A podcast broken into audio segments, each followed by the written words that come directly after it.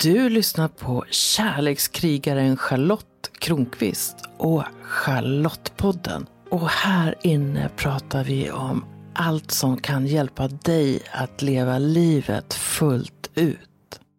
För mig handlar sårbarhet om att visa mig själv som jag är, utan masker. Det innebär att det inte alltid funkar att vara sårbar. För när masken är på, till exempel när jag jobbar, så gömmer jag undan en del av min sårbarhet. Och det är precis som det ska vara. Ofta är sårbarhet förknippad med känslor. Det kan kännas sårbart att visa rädsla, otrygghet, svartsjuka, skam, oro, osäkerhet. Men också passion, engagemang, kärlek eller kåthet. Under många år saknade jag förmågan att vara sårbar. Jag gömde sårbarheten till och med för mig själv. Jag visste knappt om att den fanns. För att klara livet behövde jag bära ett pansar som alltså till och med stängde mig själv ute. Det jag har märkt hos mig själv och hos andra, till exempel de jag coachar, är att dörren in till sårbarheten ofta öppnas genom att berätta något som känns skämmigt. Att visa andra sin skam. För hur ska de reagera på den? Säg att jag berättar någonting som jag skäms för. Till exempel att jag hade en tonårsdröm om att ha en Scarlett O'Hara-klänning. Tänk om någon börjar skratta åt mig när jag säger det. Tänk om jag blir hårt dömd. Tänk om andra inte tycker om mig när jag visar mig som jag är. När jag berättar om mina drömmar. När jag pratar om mina rädslor. Tänk om, tänk om, tänk om. För sådär 20 år sedan så hittade jag människor som jag kunde dela min sårbarhet med. Där jag kunde testa att gå ut på yttersta grenen där jag i metaforisk bemärkelse visade mig naken.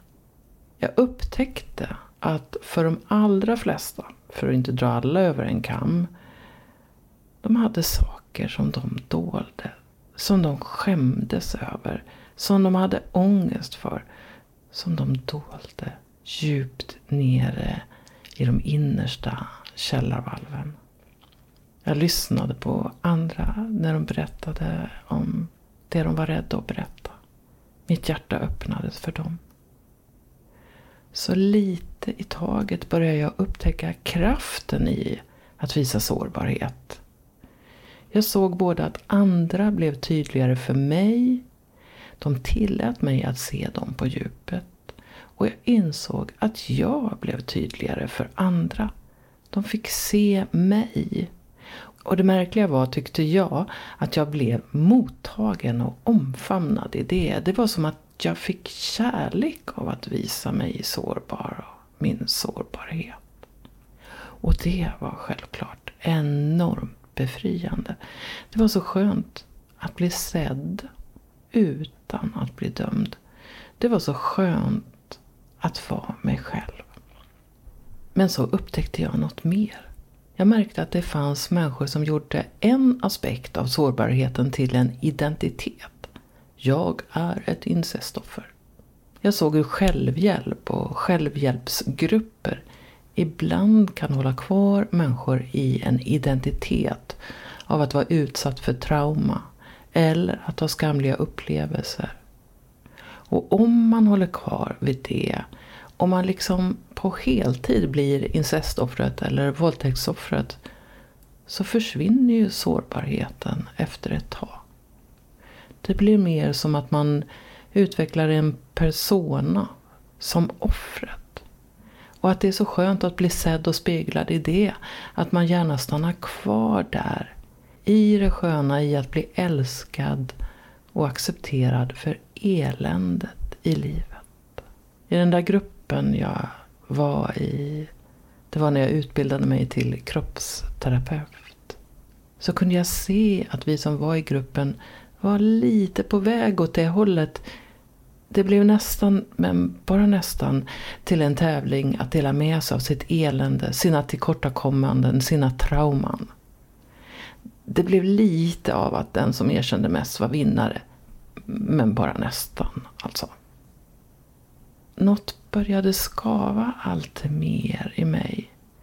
Det var ju visserligen befriande och skönt att kunna tala om elände. Om känslor av att vara utanför. Av känslan av att inte bli sedd. Av känslan av att tvingas förtjäna kärlek. Men det kunde inte vara meningen att det skulle sluta där. Att vi skulle sitta där med alla våra såriga erfarenheter och inte försöka läka dem. För det räckte inte med att berätta. Det kan visserligen vara ett viktigt steg för läkning. Men då finns risken att jag blir både självupptagen och ser mig själv som ett offer eller som en martyr. Då fick jag en idé. Jag skulle göra något annat som kändes sårbart för mig. Jag minns hur rädd, skräckslagen och nervös jag var för att inför gruppen säga att jag tycker att jag har ett värde. Att jag är värdefull. Och att det kan finnas en livsuppgift för mig. För mig som var uppvuxen i ett janteland var det som att öppna dörren till det mest förbjudna. Att tala om ljuset i mig. Om det fina. Och jag upptäckte att också det blev mottaget. Och jag minns hur läraren tittade på mig med värme i rösten och sa This is for real. Jag kommer strax att läsa kapitlet om sårbarhet i min ljudbok som också finns som pappersbok. 100% Charlotte, ta ditt inre ledarskap. I kapitlet talar jag om den sårbarhet som kärlek också kan skapa och hur sårbara skiften i livet kan kännas. Texten handlar om när jag vinkar av mitt yngsta barn och jag uppfylls av känslan av att mammajobbet är avklarat. Det som varit min identitet så länge. Att vara mamma. Att vara någon som någon annan behöver. Att visa upp de starka känslorna som utlöstes är sårbart för mig. Att visa mig i sorgen. Att visa mig i vilsenheten. Och att visa för världen att jag har ett behov av att känna mig behövd. Och det är ju inte bara sårbart. Det är djupt mänskligt också. Så nu dags att lyssna på 100% Charlotte. Ta ditt inre ledarskap. 23. Sårbarhet. Sårbarhet är en av de vackraste kvaliteter jag vet. Jag kan känna mig extremt sårbar i förhållande till mina vuxna barn. Särskilt när de tillrättavisar mig och jag känner mig rädd för att de ska sluta älska mig. Mamma, det är inte cool att förklara. Försök aldrig förklara en formulering. Antingen fattar folk eller inte. Ungefär så säger ett av mina barn. Då brukar jag kalla hen för snobb. Och ja, det finns en språksnobb i hen. Kanske kallar jag hen för snobb då för att jag känner mig lite sårad. För att hen rättar mig. För att hen säger så när jag till exempel agerar i sociala medier. Det känns pinsamt att bli rättad av mina vuxna barn. Det känns skämmigt när jag inte riktigt förstår dem. Nu händer det ganska ofta. Skälet brukar vara att jag helt enkelt inte hör. Det blir det ju också en massa skämt om.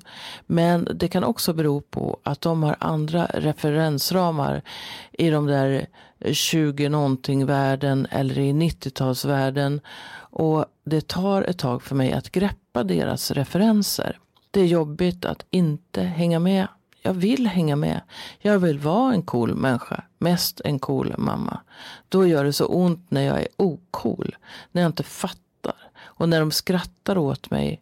Antingen för att jag inte hör och missförstår. Eller för att jag hör och ändå missförstår. Skratten, som ofta inte ens är åt mig, men som skapar en utanförkänsla, är jobbiga. Det är nog vad det handlar om. Rädslan att vara utanför deras värld och dessutom vara passé. Då känner jag sårbarheten både på huden och in i hjärtat. Tänk om jag blir så ointressant att de inte alls vill ha mig i sina världar. Tänk om de börjar skämmas så mycket över mig att de lämnar mig. Det är nog det jag är räddast för. Att förlora deras kärlek. För det spelar roll vad de tycker. I förhållande till dem klarar jag inte av att säga vad ni tycker om mig har jag inte med att göra. När jag skriver det här ser jag trappan kroppen ner mot undervärlden. Hur rädslan griper tag i mig. Just i detta ögonblick är 100% Charlotte att våga känna min sårbarhet. Att känna rädslan att förlora deras kärlek. Jag blir så rädd. Jag minns när jag var centrum i deras värld. Så länge sen, ljusår sen, som en av dem kan säga. Det där är över nu, mamma. Ja, det är över. Antagligen är det så att även ordet cool är iskallt och stendött, men det känns rätt för mig. Tänk att jag kan skämmas över sådana saker. Jag som åtminstone officiellt lämnat skammen bakom mig. Men som fälls som en övermogen fura när det är något med barnen. Alltså när de skäms över mig eller roar sig på min bekostnad och jag krymper. Visst är det omvända världen. Ibland kan jag bli arg också på dem när det känns som att de gör det avsiktligt. När någon av dem snobbar loss och jag inte greppar det. Klart att jag kan bli sur och irriterad. Episod. Jag vinkar av det yngsta barnet. Hon kommer emot mig vid Triangelns station. Hon drar den nyinköpta svarta väskan och är verkligen på väg ut i sitt eget liv. Hjärtat nästan stannar när jag ser henne. Kärleken pumpar och jag kan se henne, nyfödd, när hon tog de första stegen och så spelas mina 19 år som hennes mamma upp för mitt inre. Moderskärleken som nästan spränger mig och som samtidigt är fantastisk. För den visar verkligen att jag kan älska. I lite drygt 28 år har en av mina viktigaste roller varit att vara mamma. Jag har följt tre barn på deras steg genom livet. Jag har älskat, jag har stöttat, jag har varit arg, stolt, ledsen, förvånad, förundrad, förgrymmad, trött, glad, jublande. Men kanske allra mest har jag vågat vara tillsammans med mina barn. Hjärtat sväller bara jag tänker på dem. Jag kommer att tänka på oron jag kände när jag väntade mitt andra barn. Skulle hjärtat räcka till? Hjärterummet var ju redan så fyllt av den första. Så föddes tvåan och hjärtat fick ett nytt rum och så ännu ett till nummer tre. Mina barn har visat mig min kapacitet att älska mer eller mindre reservationslöst. Jag har vetat att den här dagen skulle komma. Den här dagen då jag fullgjort min plikt. Eller kanske stora kärleksgåva som mamma. Alltså då själva vårdnadshavandet skulle vara över. Kärleken kommer ju alltid att bestå. Mina barn vet att jag är deras främsta supporter. Tidvis har jag stått och viftat med flaggorna på väldigt långt håll. Tidvis har de fullt upp med sina liv. Tidvis har de haft tid att ha synpunkter på mitt yrkesval och mitt bloggande och min synlighet i sociala medier. Och tidvis är de närmare. Jag står där på stranden och barnen har lagt ut. På väg i sina egna liv. På väg att skapa sina gemenskaper och sina upplevelser. Jag står liksom andra mödrar och fäder före mig kvar på stranden och vinkar. Jag vinkar stolt och när de vänt sig om mot framtiden kommer tårarna. Jag står på stranden och hulkar. Det är som att jag i detta detta ögonblick då jag liksom är naken igen, avklädd mina barn, då jag ska leva livet utan dem som mitt skydd, utan dem som min meditation, utan dem som min slöja. Det är detta ögonblick jag inser att nu är det verkligen min tid. Det är min tid att ta plats till hundra procent i mitt liv. Nu kan ingenting dölja mig längre. Nu har jag ingen att skylla på. Det finns inte längre något ansvar för någon annan än mig själv och mitt liv. Det är så uppenbart att nu är det jag som tar alla besluten. Känslan är blandad. Jag kan ana frihetens vind. Men precis nu när sista båten lagt ut känner jag sorgen i mig. Saknaden. När jag tar ett djupt andetag kan jag känna doften av deras babykroppar, deras kloka blickar, ljudet av deras fötter i trappen. Det är en märklig känsla. Det är som att jag kan le, nästan skratta, mitt bland alla tårarna. Jag är ju så djupt tacksam över att jag är deras mamma. Även om mammaskapet går in i en ny fas. Så jag får vara den gråtande mamman en stund. En gråtande, älskande och stolt mamma. Som hoppas att de ibland vänder sig om i båten och vinkar till mig på stranden. Samtidigt är det fantastiskt att jag har gjort jobbet. De klarar sig själva. De har egna liv. De har kul och de kämpar och startar en massa saker och avslutar annat. Och de vet att någonstans där i bakgrunden finns deras främsta supporter. Se hur jag viftar med flaggorna. Behövs det ställer jag upp och ryter som den lejoninna jag var när jag var behövd, mamma. Din läxa. Vad är sårbarhet för dig? Vad är sårbarhet för dig? Berätta gärna för mig. När väljer du att vara sårbar? Och tillsammans med vilka? Idag tycker jag sårbarhet hänger ihop med äkthet, sanning och att vara med det som är så vackert, så viktigt. Och jag planerar ett program för mogna kvinnor som kan vara klart till höstterminen 2021. Jag tycker att det är dags för oss att visa att vi är värdefulla genom hela livet. Så mitt fokus kommer att vara kvinnor som närmar sig eller har passerat klimakteriet. Sådana som jag alltså. Och så spritter det i kroppen av att kunna säga att det är dags för den första lekfull tantrakursen på mer än ett och ett halvt år. Helgen den 4 och 5 september är det dags. Du är välkommen som du är. Som dig. Och med den nyfikenhet och lekfullhet du har. Kursen sker i Stockholm och du hittar all info på min hemsida charlottekronqvist.org. Till dess, var en kärlekskrigare. Kom ihåg att prenumerera på Charlottepodden så att du är med när nya avsnitt kommer. För vem vet vad du kan få lära dig om livet i det avsnittet? Rekommendera gärna podden till en vän så är du med och sprider vetskap om att den här podden finns och berätta vad den ger just dig.